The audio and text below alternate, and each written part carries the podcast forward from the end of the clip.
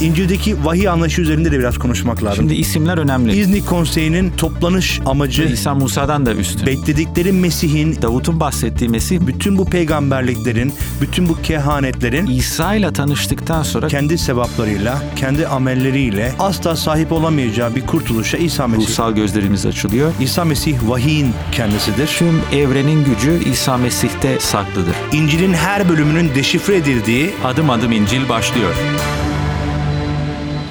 Adım Adım İncil programında Radyo Maranata'dan bizi dinleyen tüm dinleyicilerimize ben Mark Madrigal. ben Emre Karali merhaba diyoruz. Bu program boyunca elimizden geldiğince, dilimiz döndüğünce sizlere kutsal kitabın yeni antlaşma bölümleri, bilinen ismiyle İncil'in her bölümünü ele alacağız. Açıklamaya, sıkça sorulan soruları yanıtlamaya çalışacağız. Soru ve görüşlerinizi sosyal medya hesaplarından et Radyo Maranata yazarak ya da www.radyomaranata.com web sitesinden mail yoluyla bize ulaşabilirsiniz diyoruz ve bugünkü programımıza başlıyoruz. Evet sevgili dinleyiciler, İncil'in e, ikinci müjde kitabındayız aslında İncil e, kronolojisine göre. İkinci kitap olan Markos bölümü üzerinde bugün konuşacağız. İlk programlarda e, tekrar tekrar bahsettik. İncil 27 bölümden oluşan değerli bir e, kitap Tanrı Sözüdür. Ve bu bölümlerden ilk dördü müjde kitapları olarak adlandırılır. E, bir önceki programda Matta üzerinde konuştuk. Şimdi Markos bölümü üzerinde konuşacağız. E, ve bir kez daha hatırlatmakta fayda var belki Mark. E, bu dört ayrı müjde değil, dört ayrı iyi haber değil. Aynı iyi haberin dört farklı bakış açısıyla aktarımı e, bir dipnot olarak onu söyleyelim. E, daha fazla bilgi almak isteyenler zaten bir önceki programdan da bunu takip edebilirler. Şimdi Markos. Kimdir Markos? İsminin anlamı nedir? E, ve bu kitaba ismini veren Markos kimdir? Oradan başlayabiliriz belki. Aslında Markos'un tam ismi Yuhanna Markos'tur. Kendisi bir Yahudidir Ee, ama ona Latince bir takma isim veriyorlar Markos. Bunun nedenine birazdan geleceğiz. Ee, geleneğe göre kendisi İskenderiye doğumludur. Ee, Latince, Yunanca, İbranice ve büyük ihtimalle Aramice de e, biliyordu. Yani çok dilliydi. Evet. Ee, Markos e, İncil'de veya Kutsal Yeni Antlaşma'da gördüğümüz başka bir karakterin yeğeni Barnaba. Hatırlarsanız e, Elçi Paulus Barnaba ile beraber ilk müjdesel yolculuğuna çıkıyor Anadolu topraklarında. Evet. Onun- Elçilerin işlerinde onu göreceğiz zaten. Evet, onun yeğeni e, Markos'tu. E, bir müddet onlara eşlik etti ama daha sonra e, Markos'tan dolayı Pavlus ve Barnaba yollarını ayırdılar. Kimse tam nedenini bilmiyor. Kimisi düşünüyor ki Markos hastalandı ve dönmesi gerekiyordu. Tam nedenlerini bilmiyoruz ama Markos'un dönüşünden sonra Elçi Pavlus ve Barnaba yollarını ayırmış oldular o müjdeci seyahatlerinde. E, ama aslında e, Markos e, Petrus için çok önemli. Çünkü e, Petrus e, Neron, İmparator Neron döneminde hapise düşüyor. Ve e, bu dönemde e, Petrus'un yanındadır Markos. Evet, Dolayıs- ondan oğlum diye bahsediyor değil mi? Evet, Birinci, ona birinci Petrus 5. bölüm 13. ayette. Evet ona manevi açıdan e, oğlum diyor. E, dolayısıyla e, onun için son derece değerlidir. Ve aslında biraz müjdenin e, neden Markos tarafından yazıldığına dair de bu bize bir ipucu veriyor. Çünkü Markos bildiğiniz gibi 12 havarinin arasında değil. Ama Petrus'un e, manevi oğlu ve aynı zamanda Petrus'un yazmanlık görevini üstleniyor. Dolayısıyla Markos müjdesini okuduğumuzda aslında okuduğumuz şey e, Petrus'un e, bakış açısından İsa Mesih'in hayatı. Özellikle Roma'dayken e, vaazlar veriyor İsa'nın hayatı hakkında ve Petrus Markos onun yazmanı olarak e, bunları kaleme alıyor. Ve bunlar bir vaaz serisi şeklinde olduğu için e, Markos'un yapısı kronolojik bir yapı değil, e, Petrus'un verdiği vaazlar düzeninde e, bu müjde e, yapı olarak e, şekil alıyor. Bunu nereden biliyoruz? Çünkü e, geçen programda Matta'dan bahsederken Papias'tan bahsetmiştik. Yuhanna'nın öğrencisi Pamukkale Hierapolisli e, Papias. Kendisi Markos'un yazarlığı ile ilgili e, bize bir kayıt veriyor. E, diyor ki e, Petrus e, Rabbin sözlerini düzenli bir derleme yapmaya çalışmadan e, vaazlarını dinleyicilerin ihtiyaçlarına göre düzenlerdi. E, ve Marcos bunları e, kayda e, aldı ve onun tek kaygısı ve ilgisi dinlediklerinden hiçbir şeyi eksiltmemek ve değiştirmemekti. Dolayısıyla Petrus Roma'dayken İsa'nın hayatını Roma Kilisesi'ne anlatırken Marcos bunları kaydetmiş oldu ve bu şekilde Marcos'a göre müjde yani İsa'nın hayatı şekil aldı. Evet yani Matta bir önceki programda konuştuk. Matta İsa'nın havarilerinden, öğrencilerinden biriydi. E, fakat Markos e, onun öğrencilerinden yine biri olan Petrus'un yazman olarak bizim karşımıza çıkıyor. Şimdi tabi yazılış tarihiyle ilgili de e, çeşitli söylemler var. Bir önceki programda da üzerinde konuştuk. E, bazılarına göre Mata e, önce yazıldı, Mata bölümü. E, bazılarına göre Markos bölümü biraz daha önce yazıldı. Hatta ilk müjde kitabı olarak da e, ifade ediliyor, söyleniyor bunun hakkında. Bunun hakkında konuşalım belki. Yani yazılış tarihi aşağı yukarı neydi? Yani yazılış tarihi gene 50 ila 60 seneleri arasında değişiyor. Matta'ya yakın evet. Matta'ya yakın. Kimisi Matta'dan önce diyor, kimisi Matta'dan sonra yazıyor. Tam bilmiyoruz. Dolayısıyla bunlar biraz e, teori diyelim e, kimin ilk önce yazıldığı ama şahsi olarak bana soracak olursanız ben e, Matta'nın yazarlığının daha erken olduğunu düşünüyorum. O da neden? E, Papiyas'ın kayıtlarından dolayı çünkü o diyor ki Matta İsa'nın sözlerini Aramice olarak kaydetmişti ve daha sonra bunlar e, Grekçe'ye çevrilerek büyük ihtimalle ortak bir benzetme ve deyim havuzu oluşturdular ve bütün sinoptikler yani Matta, Markus ve Luka e, birbirine benziyorlar. Neden? Çünkü ortak bir havuzdan aslında esinleniyorlar anlatılarını yaparken. Faydalanıyorlar. Evet. evet. Yani birbirlerinin birbirlerinin de zaten hepsi aynı ortak mesaja odaklandıkları için e, İsa Mesih'in yapıp ettikleri e, kelam olarak dünyaya gelen, beden alıp kelam olarak dünyaya gelen İsa Mesih'in hayatı yapıp ettikleri ve e, bütün müjdelerde e, en temel ortak noktada e, İsa'nın dünya gelişinin nihai amacı olan çarmıha üzerinde e, bütün yaratılışın günahını üstlenmesi, ölmesi, gömülmesi, bir mezara konulması ve üçüncü gün ölümden dirilmesi. E, hepsinin e, aslında odaklandığı temel nokta budur. Ama tabii hepsi farklı farklı e, kitlelere yazılmıştır bu kitapların. E, Marcos da öyle. O da farklı bir kitleye yazılmıştır. E, ve onun bir hedefi de vardır aslında. Belki böyle devam edebiliriz. Evet şimdi Marcos Roma Kilisesi'ne yazıldı ve İmparator Neron döneminde yaşayan bir kilise yazıldı. Dolayısıyla kilise zulüm görüyor. E, zaten İmparator Neron döneminde hem Petrus hem de e, Pavlus'un idam edildiği döneme denk geliyor. E, dolayısıyla bu zulüm gören kiliseye nasıl teşvik olunabilir? Tabii ki İsa Mesih'in hayatını anlatarak. Ama nasıl anlatılacak? Matta'dan farklı olarak. Çünkü Roma'da e, büyüyen, yetişen e, bir kilise kitlesi belki Matta'daki dinleyiciler kadar bir eski ahit birikimi yok. Dolayısıyla Markus'un yapacağı şey e, daha çok İsa Mesih'in mucizelerine odaklanmak e, ve e, İsa Mesih'in e, kral oluşuna e, odaklanmak ve onun özellikle e, karanlıklar e, üstündeki gücü vurgulamak. Mesela Marcos dört müjde arasında en fazla e, cine tutsak adamın karşımıza çıktığı ve bunların İsa Mesih tarafından iyileştirildiği müjdedir. Ve bence Marcos bunu boşuna yapmadı çünkü Roma'yı hayal edelim. E, pagan bir kültürdür. Her yerde ilahlar ve ruhsal güçler vardır.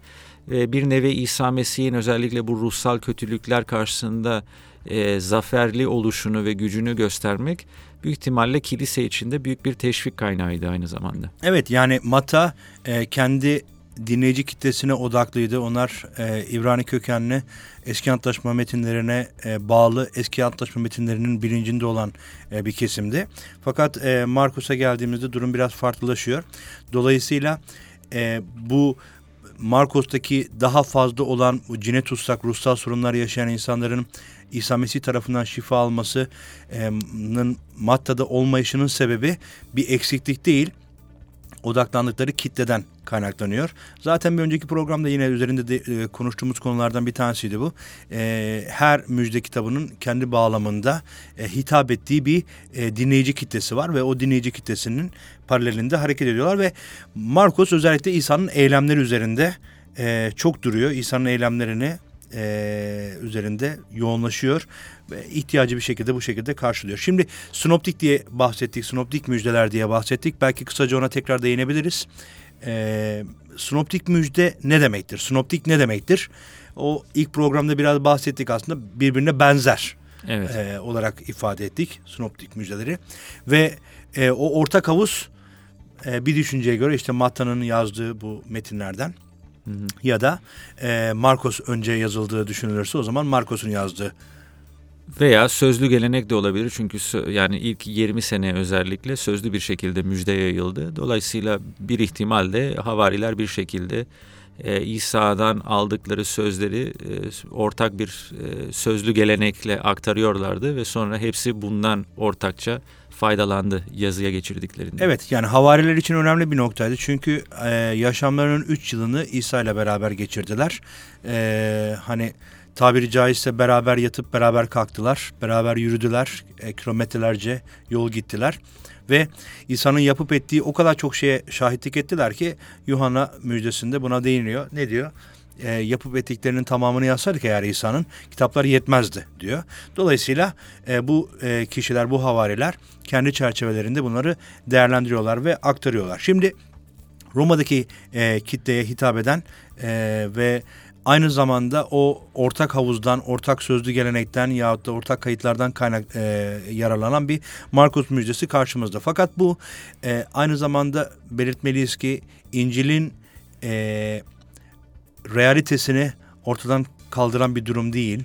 E, onun da altını çizmek gerekiyor. Yani e, birçok insan var ki Türkiye'de işte İsa Mesih'i bir peygamber olarak görüyor ve peygamber olarak görülen İsa'nın Allah'ın vahiyini direkt olarak Allah'tan aldığını yani bir kitap şeklinde ondan aldığını ve bunu kayda geçirdiğini düşünüyor ama e, her programda üstüne basa basa söylediğimiz şey şudur. İsa Mesih vahiyin kendisidir. Dolayısıyla e, bu müjdeler arasındaki farkın e, temel sebebi, temel noktası da e, budur. O yüzden e, aslında birçok kişinin ta, aynı kişi hakkındaki tanıklığı da e, o bu gerçekliği e, pekiştiriyor öyle değil mi? Yani E- evet, aynen. bir bir mahkeme salonunda mesela bütün tanıklar aynı şeyi söyle, söylüyor olsa herhalde şüphe uyandırır bir ezberlenmiş bir metni söylüyor olsa. E, fakat bu kişiler bu dört müjde farklı farklı bakış açılarıyla, farklı odak noktalarıyla ve farklı kitlelerin e, algısına uygun bir biçimde aynı ortak müjdeyi de e, karşımıza çıkıyorlar. Evet ve aslında hepsi e, İsa Mesih'in sadece basit bir fani olarak değil ama gerçekten e, Tanrı'nın oğlu e, veya e, ilah olarak tabii farklı şekillerde bize yansıtıyorlar ve Markus buna dahil. Yani mesela birkaç yerde e, İsa Mesih hakkında Markus 2. bölümde der ki e, Şabat'ın efendisiyim diyor İsa Mesih. Tabii Hı hı. Şabat'ı kuran kimdir? Yaratılışta Tanrı'nın kendisi. Dolayısıyla Şabat'ın efendisi de demekle İsa Mesih kendi tanrılığını ilan etmiş oluyor ve Markus'un giriş ayeti de önemli. Çünkü ilk sözler Markus'ta şöyle Tanrı oğlu İsa Mesih'le ilgili müjdenin başlangıcı. Dolayısıyla orada tekrar e, ilahlığına ilişkin bir iddia e, görüyoruz. Tabii bu mü- bu cümlenin e, sadece bundan ibaret değil. Aslında çok polemik bir müjde. E, nedeni şu. E, Markus'un yazıldığı dönemde e, Tanrı oğlu veya Tanrı oğulları tanınan diye tanınan başka birisi vardı. O da kimdi? İmparatorun kendisi. Kendisi. Çünkü o dönemde imparator hem tanrıların bir oğluydu, hem de e, kraldı, e, hem de kurtarıcıydı, hem de efendiydi. Ama ne kadar ilginç ki e, Markos'ta bütün bu sıfatlar, unvanlar İsa Mesih için kullanılıyor. Bu da oldukça polemik bir şey. Yani e, Markus'un Roma'daki kiliseye yazıldığını göz önünde bulundurursak Hem de radikal. oldukça radikal. E, kaldı ki müjde kelimesinin e, kökeni de oldukça polemik ve radikal. Çünkü eski dönemlerde müjde veya evangelyon ne zaman kullanılırdı? Yeni bir kralın e, tahta çıkışında. E, mesela İmparator Augustus Roma İmparatoru olduğunda bu bir müjde olarak imparatorun dört bir bucağına iletildi. Dolayısıyla İsa Mesih'ten Tanrı oğlu ve onun haberi ile ilgili e, mesajı müjde olarak iletmek aslında oldukça polemik bir e, durumdur e, o dönemki Roma İmparatorluğunda. Zaten Markus'un müjde boyu yapacağı şeylerden bir tanesi bu. Ee, İsa Mesih'in nasıl asıl kral olduğunu bize çeşitli mucizelerle ve çeşitli eylemlerle gösterecek. Evet yani müjde boyunca İsa'nın eylemleri üzerinde e, Mark'ın özellikle durduğunu, e, Markus'un özellikle durduğunu görüyoruz. E, bu önemli. Şimdi burada kısa bir araya gideceğiz. E, dönüşte biraz e, Markus kitabının içeriği hakkında e, konuşacağız ve e, ona has bölümler üzerinde de biraz daha duracağız. Efendim kısa bir ara için sizden izin istiyoruz. Lütfen ayrılmayın. E, tekrar burada olacağız.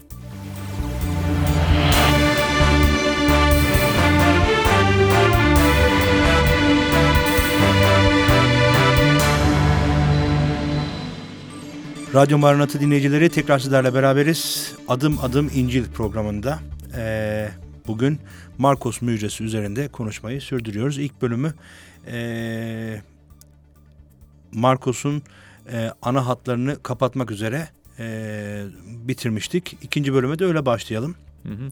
E, Markos'un ana hatları nelerdir? Tabii e, her bölüm üzerinde tek tek konuşamıyoruz ama en azından genel olarak bir fikrimiz olsun Markos üzerinde. Tabii ki. Şimdi Markos 16 bölümden oluşuyor.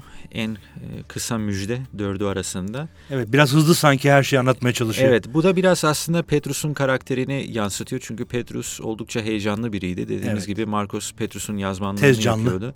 Dolayısıyla çok hareketli aslında çok zevkli okunması çok zevkli bir müjde. En sevdiğim müjdelerden aslında e, Markos'tur. 16 ee, bölümden oluşuyor. Bu 16 bölümü 3 ana hatta e, bölebiliriz. E, ilk 7 bölüm Celile'de geçiyor. E, son 6 bölümde Yeruşalim'de geçiyor. Ortada da Celile ve Yeruşalim arası 2-3 bölümlük bir yolculuk kısmı var. Ve bunların hepsi aslında birbirinden önemli. Şimdi Celile'de özellikle İsa'nın cinler, hastalıklar ve doğa güçleri üzerinde e, gücünü görüyoruz. E, mesela e, vaftizinden sonra, İsa'nın vaftizinden sonra e, denenmesini görüyoruz çölde şeytan tarafından. Tabi İsa e, şeytan tarafından üç defa deneniyor. E, üçüncü de üçünde de zaferli e, çıkıyor. Daha sonra bu denenmeden sonra e, felçleri iyileştirmesi, cine tutsakları iyileştirmesi ve özellikle fırtınaları dindirmesi havarileriyle beraber e, Celile Gölü'ndeyken e, bunları görmekteyiz. Dolayısıyla kozmik güce sahip yani ruhlar alemine hakim ve doğal hükmeden. Evet, aynen bunlara hükmeden ve e, doğa üzerine hükmeden bir İsa görmekteyiz. Şimdi bu özellikle önemli çünkü dediğim gibi Markus'un yazıldığı bağlamı vurgulamak lazım. O da neresidir? Roma pagan bir ortam. Dolayısıyla toplumun hani farklı ilahlara bahsettiği özellikler ve güçler vardır. Ama Marcos aslında Petrus ama Marcos'un yazmanlığıyla burada bir şey gösteriyor. Aslında tüm evrenin gücü İsa Mesih'te e, saklıdır. Yeruşalim'de ise, ise son kısımda ilginç bir şey görüyoruz. Bu sefer İsa'nın dünya sistemleri, zulüm ve ölüm üzerindeki zaferi görüyoruz. Mesela kendisi bir sıpanın üstünde Yeruşalim'e kral olarak giriyor. E, tapınağı e, temizliyor tüccarlardan ve e, özellikle dini liderleri e, eleştiriyor ve burada yönetime karşı bir İsa görmekteyiz. Yani e, yönetimin gücünden daha kuvvetli olan bir İsa görmekteyiz ve bu da oldukça önemli çünkü gene Roma'daki bir kilise olduğunuzu hayal edin. E, zulüm görmektesiniz, imparatorun baskısı altındasınız ama Markus size bir şey hatırlatıyor. E, aslında İsa'nın gücü dünya yönetimlerinden daha kuvvetlidir. E, ve bunun arasında bir yolculuk kısmı var ve Şimdi aslında yolculuk yolculuk noktasından önce evet. yani şöyle bir e, net değerlendirme de var. Aslında Tanrı'nın kullandığı yöntemler birbirine ne kadar çok benziyor. Bunu e, bu müjdenin kutsal kitabın bir parçası olduğunu görebilmek için e, sen bunlardan bahsederken insanın aklına ister istemez Mısır'dan çıkış bölümü e, canlanıyor adeta. Orada da e, işte yedi belayla aslında e, Musa peygamber aracılığıyla Tanrı e, Mısır'ın bütün ilahlarını cezalandırıyordu ve bütün o ilahlardan e, o sahte ilahlardan üstün olduğunu ortaya koyuyordu.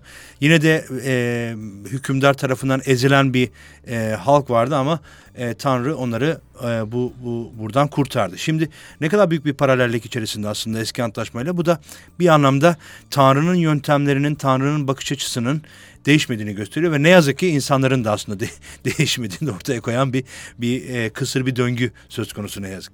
Evet ve aslında aslında bu anahtar bir konu çünkü e, Markus'un e, ana teması aslında bu. Çok ilginç bir durum oluyor Markos'ta. İsa bütün bu mucizeleri yapıyor, bütün bu yöneticiler üstünde güç sergiliyor. Fakat buna rağmen kendi havarileri İsa Mesih'in kimliğine kör. Dolayısıyla Markos'un vurgu yaptığı olaylardan bir tanesi havarilerin ruhsal körlüğü. Ee, İsa üç defa havarilerine diyor ki e, insanoğlunun yani kendisini kastederek e, acı çekmesi lazım, ele verilmesi lazım, çarmıha gerilmesi lazım. E, ve üç defa da e, havariler bunu anlamıyor. Neden bunu yapması gerektiğini anlamıyor. E, ve çok ilginçtir ki bu anlatı içerisinde iki tane körün iyileşmesi var. Yani ilginç bir e, zıtlık görüyoruz. Körler görüyor ama görenler ise hani sözde görenler kör. Evet. İsa bu kadar mucize yapıyor. Körler bile bunun farkında. İsa'nın kim olduğunu, ilahi kimliğine ilişkin. Ama kendi öğrencileri hala ruhsal bir körlük yaşamakta. Daha sonra İsa'nın ölümünde ve dirilişinde gözleri açılacak İsa'nın kimliğine ilişkin. Ama özellikle Markus'un ortasında İsa'nın yaptığı üç çarmıh konuşmasında yani çarmıhınızı yüklenin ve beni izleyin, insanoğlunun evet. acı çekmesi lazım gibi konuşmalarında. Ee, özellikle mesela Petrus'un itirazı e, e, gözümüze geliyor değil mi? Hani Petrus diyor ki nasıl olur sen bunu yapamazsın gibi. Ee, İsa Mesih de onu eleştiriyor. Ruhsal körlüğüne bir eleştiride bulunuyor. Evet yani e, bir şekilde e, Yeruşalim'e gitmesini de istemiyor. Çünkü e, beraber olduğu e, her şeyi bırakıp ardından gittiği kişinin çarmıhta ölmesi fikri ona tuhaf geliyor. Aslında Tanrı'nın nihai tasarısının gerçekleşmesi için çok önemli bir noktaydı. Bu da aslında Markos'un ana temasını bize getiriyor. Markos'ta şunu görüyoruz. Mesih'i görenler kimliğini anlamıyor ama Mesih'i göremeyenler özellikle bu kör, iyileşen körler kimliğini anlıyor. E, o zaman bir soru oluşuyor bizde. İsa'yı anlamanın anahtarı ne? İsa'yı anlamanın anahtarı e, kendimi, kendi benliğimize ölmektir. E, ve Markus'un vurgulamak istediği şey bu. Havariler kendi benliklerine ölmedikleri için e, ruhsal açıdan İsa'nın kim olduğunu, ne yaptığını tam olarak anlamıyorlardı. Ama ne zaman ki kendi benliklerine ölebildiler, o zaman İsa'nın mucizelerini, yaptığı ruhsal harikaları anlayabildiler. Evet, yani e, bu e, Petrus'un yaşadığı birçok tecrübeyi de biliyoruz aslında İsa Mesih'le yaşadığı birçok tecrübeyi. E, herhalde bu e, yazıları kayda geçirirken Petrus bir şekilde ge geriye dönüp kendi kendini de kendi kendisi üzerine de çok düşünmüştür. E, fakat e, o detaylar çok önemli ve kutsal kitabın içerisindeki o bütünlüğü görebilmek açısından da önemli. E, ve yani bu ana hatları üzerinde e, devam edelim bence. Yolculuktan bahsediyorduk. E, kaldığımız yer oraydı. Oradan devam edelim istersen. Evet şimdi bu yolculuğun aslında e, en kritik noktası e, Filipe Sezeryesi'nde. Şimdi Celile'den Yeruşalim'e doğru yolculuk yapıyorlar ve durdukları yerlerden bir tanesi Filipe Sezeryesi. Filipe Sezeryesi'nde İsa bir soru soruyor öğrencilerine. Halk benim kim olduğumu söylüyor. E, Petrus ona şöyle diyor, sen Mesih'sin yanıtını veriyor. Evet. E, ve daha sonra biliyoruz ki özellikle diğer müjdelerden, mattalardan. Aslında halk farklı bir şeyden bahsediyordu. Onu da belki değinelim. Evet. Kimisi Çünkü bugün, diyordu bugünden ki, pek bir farkı yok. Evet. Kimisi diyordu ki bu İlyas'tır veya başka bir peygamberdir. Peygamber dirilmiştir evet. Aynen. E, ama Petrus diyor ki sen Mesih'sin. E, Matta'da okuyoruz ki e, Petrus bunu dedikten sonra İsa ona diyor ki e, bunu sana babam açıkladı şeklinde. Yani sen bunu kendi bilgeliğinden dolayı söylemedin. söylemedin. Ama bu bu Filipe Sezeryesi'ndeki geçen konuşma çok önemli çünkü Filipe Sezeryesi'nde e, birkaç e, tapınak vardı, bir ibadet merkezinde. Burada Sezar'a e, adanmış bir tapınak vardı ve Pan tapınağı vardı, kaos tanrısı, korku tanrısı. Ve yine bize Markus'un ortak temasına götürüyor değil mi? Marcos da e, Marcos ne yapmaya çalışıyor? İsa'nın e, nasıl e, karanlık güçler üstünde üstün olduğunu ve aynı zamanda e, dünyamızda hüküm süren e, siyasi düzenlerden daha üstün olduğunu, özellikle Roma İmparatorluğundan daha üstün olduğunu e, vurgulamak istiyor. Dolayısıyla e, buradaki konuşma yapıldığı coğrafya itibariyle oldukça e, kritik bir konuşmadır. Ve aslında bütün benzetmeler bununla ilişkin. Çünkü e, Markus'a öz e, bölümlerde mesela e, herkes İsa ile alay ediyor. E, İsa'nın ailesi onunla alay ediyor. Kimisi diyor ki e, İsa e, şeytanın gücüyle cinleri kovuyor. Yani tamamen halkın bir ruhsal körlüğünü e, görmekteyiz. İsa bu kadar çok şey yapıyor ama hiç kimse gerçekten kim olduğunu anlayamıyor. Evet e, ve bununla beraber tabii Marcos'a e, özgü bazı noktalar da var e, bu metinler arasında. Yani böyle hızlıca düşündüğümüzde ilk aklımıza gelenler e, işte teknenin içerisindeki e, fırtınayı dindirmesi, e, teknenin arka tarafında uyurken büyük bir fırtına kopuyor ve onu indirmesi, e, dindirmesi. E, onun dışında ya da Kudüs'e giderken e, öğrencilere görünmesi gibi. Evet, aslında, Emmaus yolunda aslında, öğrencilere görünmesi gibi. Aslında benim için belki en önemli e, kısım kör Bartimay'ın iyileştirilmesi anlatısı. E, o da nerede oluyor kör Bartimay'ın e, iyileşmesi? Beytsayda'dalar. Beytsayda köyünde bir adam getiriyorlar. Bu kör Bartimay'dır. E, onu. Ondan sonra İsa ellerini adamın gözlerine koyuyor ve e, adam iyileşiyor. E, ve çok ilginçtir ki e, İsa'ya yaklaştığında diyor ki ey Davutoğlu halime acı. Yani kör adam İsa'nın kim olduğunu biliyor. Üç defa söylüyor ey Davutoğlu İsa halime acı. Ve adam abasını üstünden atarak ayağa fırlıyor. İsa ona soruyor senin için ne yapmamı istiyorsun? Gözlerim görsün diyor ve İsa diyor ki imanın seni kurtardı. Ama ne kadar ilginç ki bu adam neden kurtuldu?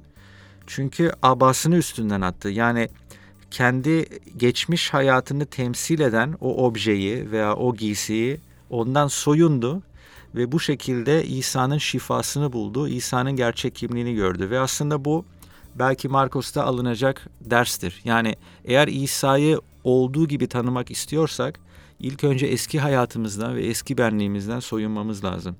Ve bunu yaptığımızda o zaman gerçekten hayatımızda İsa'nın yüceliğini ve onun gerçekten Tanrı'nın oğlu olduğunu fark edeceğiz. Yani bu bir ruhsal dönüşüm, bir tövbe gerektiren e, bir olaydır. Ancak o zaman ruhsal gözlerimiz açılıyor ve İsa'nın yüceliğini olduğu gibi görüyoruz. Ve aynı zamanda Markus içerisinde e, kullanılan bazı e, ifadeler de var. O da Markus'a özgü. E, bazı kelimeler mesela bir kızı e, kıza şifa verirken e, Talita Kumi e, diye onu e, kaldırıyor. E, ondan sonra e, Abba e, ifadesi. Bunun gibi e, özel ifadeler de Markus kitabı içerisinde yer alıyor öyle değil mi? Evet aslında e, bence çok özel bir e, bölüm var e, Markus'ta. O da sonlara doğru İsa çarmıha e, gerildiğinde hı hı. E, yanı başında duran bir Romalı asker var. Ve diyor ki bu adam gerçekten Tanrı'nın oğluydu. Şimdi çok ilginç çünkü bu adam Yahudi değil. Evet. Kendisi Romalı bir, bir asker. Kendisi bir Romalı ama Mesih'in kimliğini tanıyor. Birçok Yahudi Mesih'in kimliğini tanımazken Romalı bir asker ki hatırlayalım ki bu müjde Roma kilisesine yazıldı. Onun kimliğini tanıyor ve bu şekilde hani bu bahsettiğimiz tema e, tekrardan şey yap, yapılmış oluyor. Yani ifade edilmiş oluyor. Yani İsa'ya en yakın olanlar onu görmüyor. Evet. Ama dışarıdan e, ona bakanlar gerçekten ilahi kimliğini görebiliyor. Evet Markus 15. bölümde bu bahsettiğin yani orada e, İsa yüksek sesle e, Elohi Elohi lema şavaktani diye yani Tanrım Tanrım beni neden terk ettin diye e, bağırıyor ve oradakiler ne söylüyor? İlyas İlyas'ı çağırıyor diye evet, söylüyorlar. Aslında ama... İsa'nın orada yaptığı çok ilginç çünkü Mezmur 22'den bir alıntı yapıyor. Evet, evet. Davut Mezmur'unda Tanrım Tanrım beni neden terk ettin diye ifadeyle başlıyor. Mesihsel mezmurlardan bir tanesi. Dolayısıyla İsa bu mezmuru alıntılamakla e, şunu demek istiyor. Yani Davut'un bahsettiği Mesih benim. Benim evet. E, yani budur aslında e, ve gözünüz önünde bu ayetler şu an gerçekleştirmekte. Yani asıl kral İsa Mesih'tir. E, buyurun buyurun sözünü kestim. Yok yani bir özet yapmak gerekirse hani belki çok şey konuşuldu, e, belki bazı şeyler hatırlanamayacak ama bir cümleyle veya iki cümleyle Markus'un mesajını özetleyecek olursak e, şöyle diyebiliriz. E, Markus'ta şunu görüyoruz. İsa bütün ruhsal ve siyasi yetkiler üzerinde, günah ve ölüm üzerinde zafer kazanıyor ve bizi bu zafere ortak yapmak istiyor. Ama bu zafere ortak olmak istiyorsak gözlerimizin açılması lazım.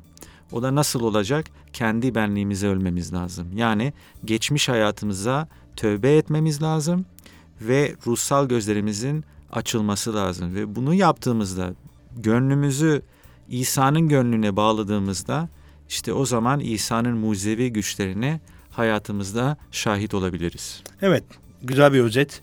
Ee, orada bırakacağız. E, ve aynı zamanda bütün e, böl, e, kitap boyunca bu e, Ma, Mar, e, Marcos müjdesi boyunca e, sık sık o kıyaslamalardan üstün çıkan, bütün ilahlarla olan kıyaslamalardan üstün çıkan ve bütün e, hükümdarlardan üstün çıkan bir İsa karşımızdadır. Kutsal kitap der ki İsa dün, bugün ve sonsuza dek aynıdır. Dolayısıyla bugün biz de aynı güvenle e, Tanrı'ya yaklaşabiliriz İsa aracılığıyla. Ve bu mesajı bize veren Markus için teşekkür ediyoruz. E, aynı adı taşıyan Mark'a da teşekkür ediyoruz. ben teşekkür ederim. Bugün seni biraz, biraz fazla yorduk bu e, sohbet sırasında ama e, umut ediyorum ki diğer dinleyicilerimiz de e, zevk almıştır bütün bu sohbetlerden. Bir sonraki programda e, kaldığımız yerden devam edeceğiz. E, Luka son sinoptik müjde üzerinde konuşacağız. Ee, bir sonraki programda görüşmek üzere. Ben Mark Madrigal. Ben Emre Karali. Hepinize hoşça kalın diyoruz.